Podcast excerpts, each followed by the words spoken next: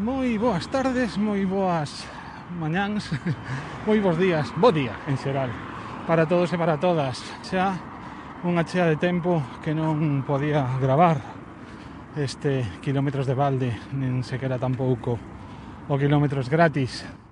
Eh, tampouco estou agora mesmo non paseo do Burgo, senón que vou cara ao centro da cidade, hoxe sábado pola tarde e o sábado 20, supo, A verdade é que non mirei que día é hoxe, pero se non me trabuco, hoxe é sábado 20 de xuño. Unha semana casi xa de nova normalidade ou como carallo lle queiran chamar no goberno a esta situación a que nos atopamos e da que falarei no Kilómetros Gratis. Neste Kilómetros de Balde quería comentarvos máis ou menos a razón de esta longa ausencia de gravar porque durante 15 días non puden sair a camiñar porque me operaron da vesícula levaba como nove meses máis ou menos. En lista de espera xusto tiña cita para facer a intervención creo que era o 31 sí, sen dúbida. Era o 31 de marzo porque lembrome que coincidía nunha data moi especial e mesmo incluso falei de esa coincidencia nun episodio que gravei en Madrid o último episodio que se gravou en Madrid, penso, porque xusto despois veu o estado de alarma e xa non xa, xa non voltei por ali. Pero bueno, acaso, despois dese aprazamento chegou unha nova cita para operar. E todo quiso coincidir dun nun xeito tamén así un pouco estrano, porque resulta que a miña tía Tabita, esa tía da que tamén penso que vos teño falado en alguna ocasión, que o piso no que eu pasaba as noites cando, cando vou a Madrid é un piso que era dela.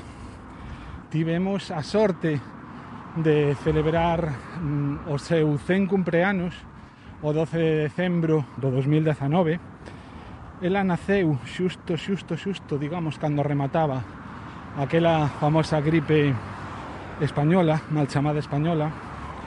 E bueno, non faleceu por culpa desta nova pandemia, pero sí que coincidiu que nos deixou xusto xusto nestes momentos cando estábamos xa a piques de de sacala. Tivemos a sorte de que, bueno, a miña tía, a miña, a miña tía Tabita, aparte de ser un exemplo, todo un privilexio para min eh, ter convivido con ela, eh, aprender da súa vida, das súas experiencias, de todo o que nos contaba.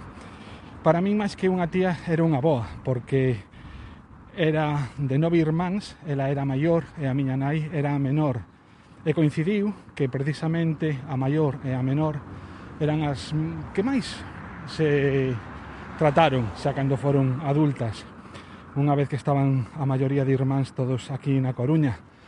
Precisamente se casi todos os irmáns esteban aquí na Coruña foi pola xuda que a miña tía Tabita desprestou no seu día.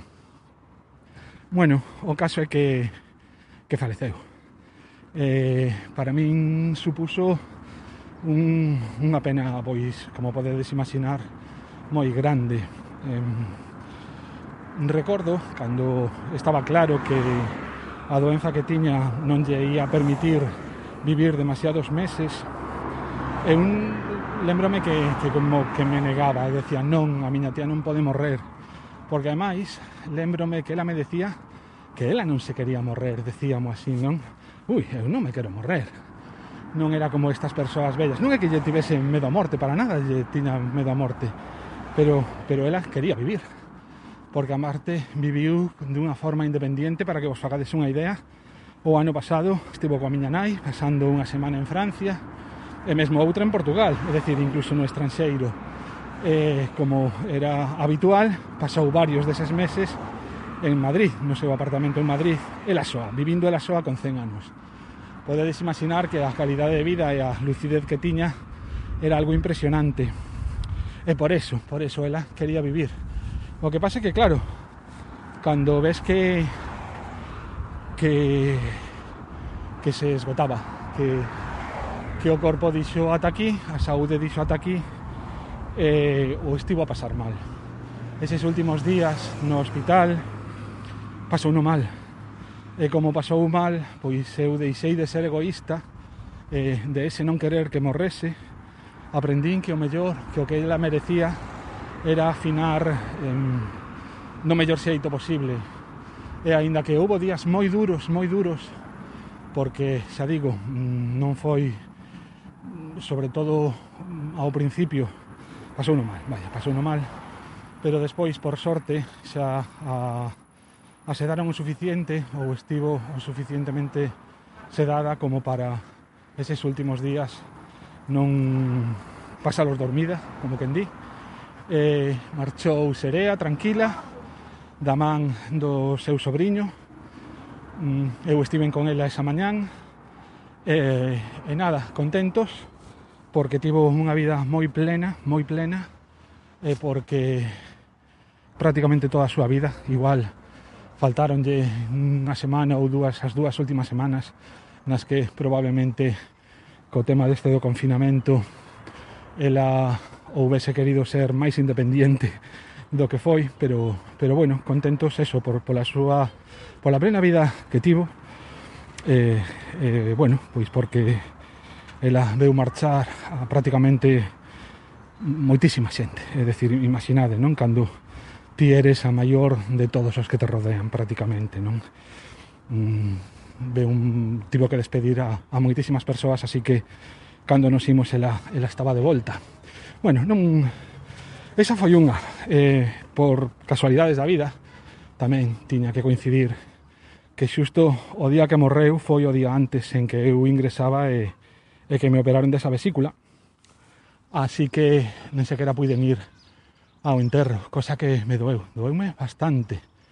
Doeume bastante. Teño, teño aínda pendiente un peche. Teño que, que achegarme cando mm, un día, un día erguireime da cama e direi, hoxe teño que ir cara ao cementerio a, a darlle un último adeus, aínda que por sorte despedirme a lágrima viva, se vos digo a verdade.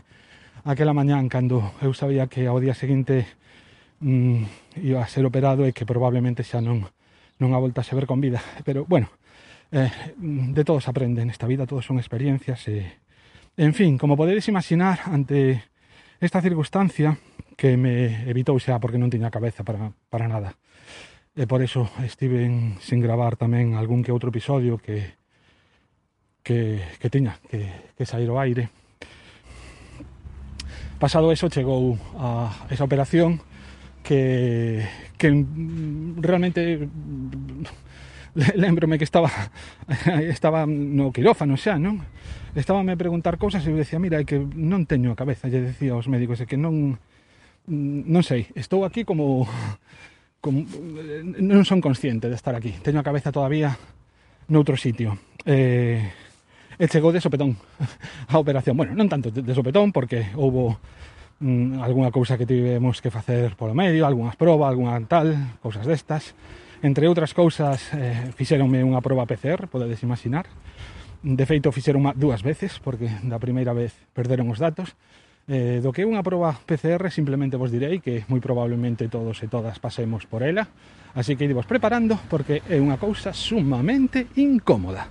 Pero moito, non doe, non doe para nada. Mm, se vos din que doe, non é certo, pero sí que eso, moi, moi incómoda. Por que? Porque che meten un, unha especie de bastoncillo moi longo, moi longo, moi longo, polo nariz, pero non pillan aquí do principio, non, non.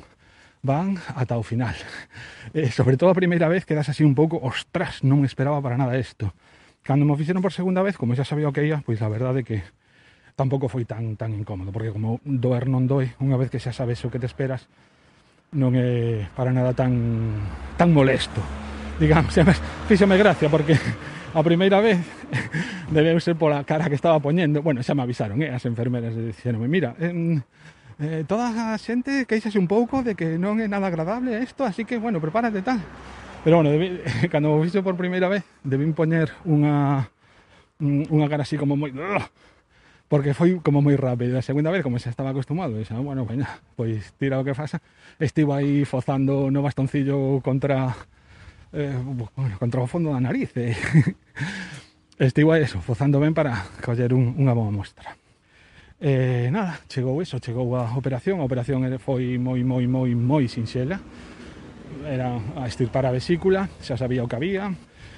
Houbo unha pequenísima, pequenísima complicación lle que ao parecer tiña a vesícula moi inflamada e por culpa de estaba como moi, eu que sei, como que petaba contra o fígado e tiveron que raspar tamén algo o fígado e por culpa deso tiveronme que poñer unha sonda, xa sabedes, unha cánula que o que fai é que todo o sangue que se produce nunha mm, bueno, todo o sangue eso que, que non tería outra forma de sair do corpo que daría aí dentro sácalo para fora eh, penso que foi por culpa deso en vez de darme a alta o día seguinte tiveron má quedar ao día seguinte ao seguinte, decir, en operaronme o martes, eu entrei o martes, ingresei o martes, operaronme xa esa mañán e deronme o alta o xoves.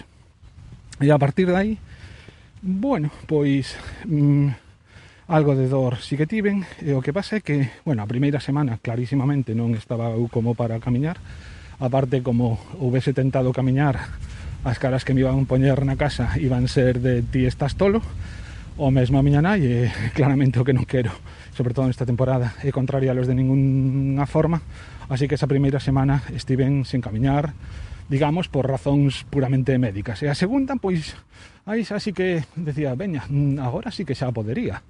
Pero, mm, aínda que as cicatrices son mínimas e todo iso, o roce coa camiseta era o que máis me molestaba.